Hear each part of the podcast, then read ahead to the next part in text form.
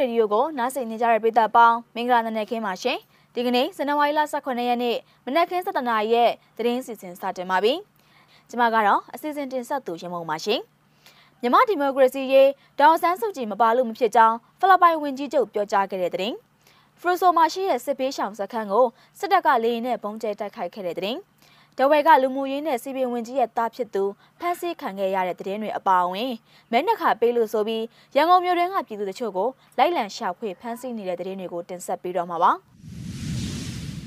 ဦးဆောင်သတင်းတပုတ်အနေနဲ့မြန်မာနိုင်ငံဒီမိုကရေစီပြန်လည်ဖော်ဆောင်ရေးမှာဒေါအောင်ဆန်းစုကြည်ဟာမရှိမဖြစ်လိုအပ်သူဖြစ်တယ်လို့ဖိလစ်ပိုင်ဝန်ကြီးချုပ်ကဇန်နဝါရီလ16ရက်နေ့တနင်္ဂနွေနေ့မှာကြေညာချက်ထုတ်ပြန်လိုက်တာပဲဖြစ်ပါတယ်။ဒီမိုကရေစီပြန်လည်ဖော်ဆောင်ရေးမှာဒေါအောင်ဆန်းစုကြည်ပါဝင်တဲ့အတွက်တိုင်းပြည်ပြိုကွဲမဲ့အရေးပြည်တွင်းစစ်ဖြစ်မဲ့အရေးစိုးရိမ်စရာဘာအကြောင်းမှမရှိဘူးလို့ဆိုပါတယ်။ပြီးခဲ့တဲ့ဘက်ကဒေါန်ဆန်းစုကြည်ကိုစစ်ကောင်စီကထောင်နှံတွေထပ်ပြီးချမှတ်ခဲ့တာကိုလည်းဖိလစ်ပိုင်နိုင်ငံသားရေးဝန်ကြီးကပြစ်တင်ရှုတ်ချလိုက်တာပဲဖြစ်ပါတယ်။ သူ့အနေနဲ့မြန်မာပြည်သူတွေခံစားနေရတဲ့ဒုက္ခတွေရောပါတတ်တာရေးအတွက်လာမဲ့သတင်းပတ်တွေအတွင်းတခြားအာဆီယံခေါင်းဆောင်တွေနဲ့အတူလက်တွဲဆောင်ရွက်သွားမယ်လို့ပြောကြားခဲ့တာပဲဖြစ်ပါတယ်။မြမရဲ့အာဆီယံပုံသဘောတူညီချက်၅ချက်အကောင့်ထဲဖော်ရေးတိုးတက်မှုရှိဖို့သက်ဆိုင်သူအားလုံးအထူးသဖြင့်ဒေါန်ဆန်းစုကြည်ပါဝင်တဲ့တွဲဆောင်ဆွေးနွေးမှုတွေပေါ်ပေါက်လာအောင် တွန်းအားပေးသွားမယ်လို့သူကဆက်လက်ပြောကြားခဲ့တာပါ။အာဆီယံအလှည့်ကျဥက္ကဋ္ဌဖြစ်တဲ့ကမ္ဘောဒီးယားဝန်ကြီးချုပ်ဟွန်ဆန်ရဲ့မြန်မာနိုင်ငံခရီးစဉ်နဲ့တိုးတက်ဖြစ်ထွန်းမှုတွေကိုကြိုဆိုကြောင်းတိုင်းသားလက်နက်ကိုင် EAO တွေနဲ့အပြစ်ခတ်ရဲစဲရေးဆွေးနွေးမှုတွေမှာအာဆီယံအထူးကိုယ်စားလှယ်ပါဝင်လာတဲ့အပေါ်ကြိုဆိုပေမဲ့ဒီဆွေးနွေးမှုတွေဟာလက်ရွေးစင်လူတစုသာမဟုတ်ပဲအားလုံးပါဝင်ဖို့အထူးသဖြင့်ဒေါန်ဆန်းစုကြည်မဖြစ်မနေပါဝင်မှုလိုအပ်တယ်လို့လည်းဖိလစ်ပိုင်နိုင်ငံသားရေးဝန်ကြီးကပြောကြားခဲ့တာပဲဖြစ်ပါတယ်။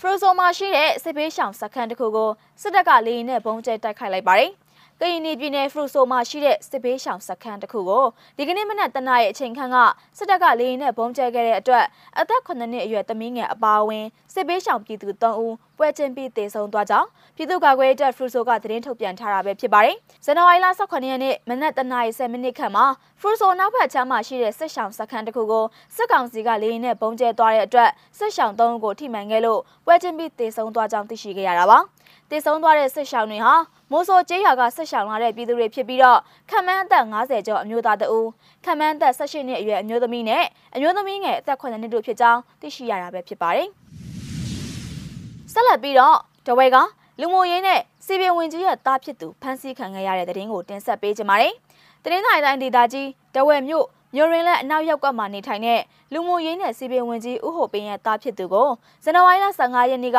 စစ်ကောင်စီတပ်ဖွဲ့ဝင်တွေကလာရောက်ဖမ်းဆီးသွားခဲ့တယ်လို့နှိစက်သူတွေကပြောကြားခဲ့တာပဲဖြစ်ပါတယ်။ည7:00နာရီကြော်ခန့်မှာစစ်ကောင်စီတပ်ဖွဲ့ဝင်အင်အား20ခန်းကဥဟိုပင်ရဲ့နေအိမ်ကိုရောက်ရှိလာတာဖြစ်ပြီးတားဖြစ်သူကိုမျိုးဆက်သူကိုအင်အားသုံးကဖမ်းဆီးသွားခဲ့တာပါ။ကိုမျိုးဆက်သူကိုဒေသပြည်သူ့ကာကွယ်ရေးတပ်ဖွဲ့တွေနဲ့ပတ်သက်တယ်ဆိုပြီးအကြောင်းပြဖမ်းဆီးသွားခဲ့တာပဲဖြစ်ပါတယ်။ညကအင်အားသုံးပြီးဖမ်းသွားတာ တားကြီးဖြစ်သူပါသွားတယ်လို့သိရတယ်။သူကဆိုင်ကယ်မှောက်ထားပြီးဒဏ်ရာတွေတောင်ကောင်းကောင်းမကျက်သေးဘူးလို့သိရတယ်ဆိုပြီးမိသားစုနဲ့နှိစက်သူတို့ကတန်လွင်တိုင်းကိုပြောကြားခဲ့တာပဲဖြစ်ပါတယ်။လက်ရှိမှာကိုမျိုးဆက်သူကိုဘယ်နေရာကိုခေါ်ဆောင်သွားလဲဆိုတာမသိရသေးဘဲနဲ့မိသားစုနဲ့လည်းအဆက်အသွယ်မရသေးဘူးလို့သိရှိရတာပဲဖြစ်ပါတယ်။စစ်ကောင်စီအာဏာသိမ်းပြီးဖေဖော်ဝါရီလ၁ရက်နေ့ကစပြီးနောက်ပိုင်းတနင်္လာရီတိုင်းဒေသကြီးအစိုးရအဖွဲ့ဝင်လူမှုရေးနဲ့စီပင်ဝင်ကြီးဦးဟိုပင်ကိုလည်းဖမ်းဆီးထိန်းသိမ်းခံရသေးတယ်လို့သိရှိရတာပဲဖြစ်ပါတယ်ရှင်။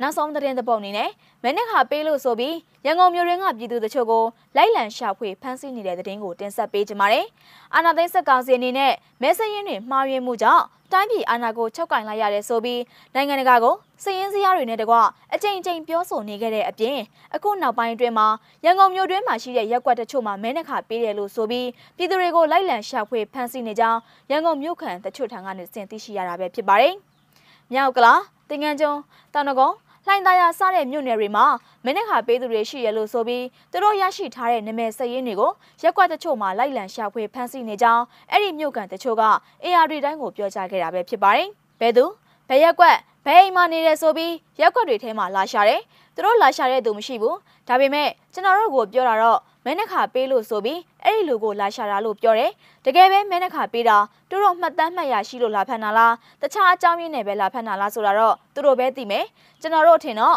မဲနှခါပေးလို့ဆိုတာဖမ်းဖို့အတွက်တက်တက်အကြောင်းပြတာပဲလို့မြောက်ကလာပမြို့ခံတို့ကပြောကြားခဲ့တာပဲဖြစ်ပါတယ် အာဏာသိမ်းစစ်တပ်ဟာအခုနောက်ပိုင်းအတွင်းမှာရန်ကုန်မြို့ခံပြည်သူတွေကိုအကြောင်းမျိုးမျိုးပြပြီးဖမ်းဆီးမှုတွေကိုဇက်တိုက်ပြုလုပ်လျက်ရှိနေတာပဲဖြစ်ပါတယ်။ရန်ကုန်မြို့တွင်းကဘုံပေါက်ကွဲမှုတွေဟာလည်းနေ့စဉ်ဇက်တိုက်မြို့နယ်အနှံ့အပြားမှာပေါ်ပေါက်လျက်ရှိနေတာပါ။အခုလိုမျိုးဖမ်းဆီးခံလိုက်ရသူတွေကိုလည်းအတင်းကျပ်ဘုံပေါက်ကွဲမှုမှာပါဝင်ပတ်သက်ကြောင်းနှိပ်စက်ဝင်ခံခိုင်းပြီးအရေးယူအပြစ်ပေးနေတာပဲဖြစ်ပါတယ်။ဖမ်းတာကတော့ သူတို့မထင်ရင်မထင်သလိုဖမ်းမှာပဲ။သူတို့သတင်းပေးဒလန်တွေကသူတို့အမြင်မကြည့်တဲ့သူလူငယ်တွေကိုလက်တုပ်လိုက်တာနဲ့နောက်နေ့လာပြီးဖမ်းတော့တာပဲဟိုတလောကတကယ်ကိုအေးစိနေပြီးရေတံမှုပို့နေတဲ့လူငယ်တယောက်ကိုဘာမှမဆိုင်မဲ့ဖမ်းသွားတယ်ကျွန်တော်တို့မျက်စိအောက်မှာပဲကြီးလာတဲ့ကလေးပါအဲ့ဒီနောက်တော့အဲ့ဒီကလေးကိုဘုံဖောက်ခွဲမှုနဲ့ပတ်သက်တဲ့ဆိုပြီးနမတက်လိုက်တယ်လို့တင်ငန်းကျော်မြို့ခံတအူးကပြောကြားခဲ့တာပါ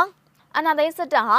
2010ခုနှစ်ရွေးကောက်ပွဲကိုနိုင်ငံတကာကလေးလာစောင့်ကြည့်သူတွေတရားမျှတပါကြောင်းဘလောက်ပဲအတည်ပြုပြောဆိုပါစေသူတို့ဟာတိုင်းပြည်ရဲ့အာဏာအရရက်ကိုထိမ့်သိမ်းလိုက်ရတာကမဲဆင်းရင်အမားတွေကိုအနိုင်ရပါတီဖြစ်တဲ့အမျိုးသားဒီမိုကရေစီအဖွဲ့ချုပ် NLD ရဲ့တာဝန်ယူမှုမရှိဘူးလို့ဆိုပြီးအကြိမ်ပေါင်းများစွာသတင်းစာရှင်းလင်းရေးပွဲတွေမှာတာမကတက်တွင်းစည်းရုံးရေးပွဲတွေမှာပါပြောဆိုနေခဲ့တာပဲဖြစ်ပါတယ်ရှင်။ ဇန်နဝါရီလ18ရက်နေ့မနက်ခင်း7:00နာရီထိနောက်ဆုံးရရှိထားတဲ့သတင်းတွေကိုမြစည်းမရေဒီယိုကနေထုတ်လွှင့်တင်ဆက်ပေးခဲ့တာပါ။နောက်ဆက်ပေးခဲ့တဲ့အတွက်ကျေးဇူးတင်ပါတယ်ရှင်။